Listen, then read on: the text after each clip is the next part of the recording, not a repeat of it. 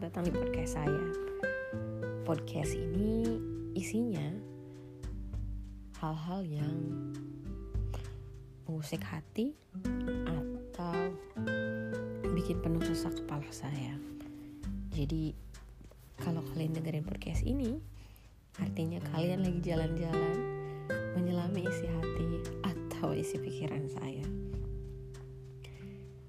Jadi semoga podcastnya bermanfaat dan selamat.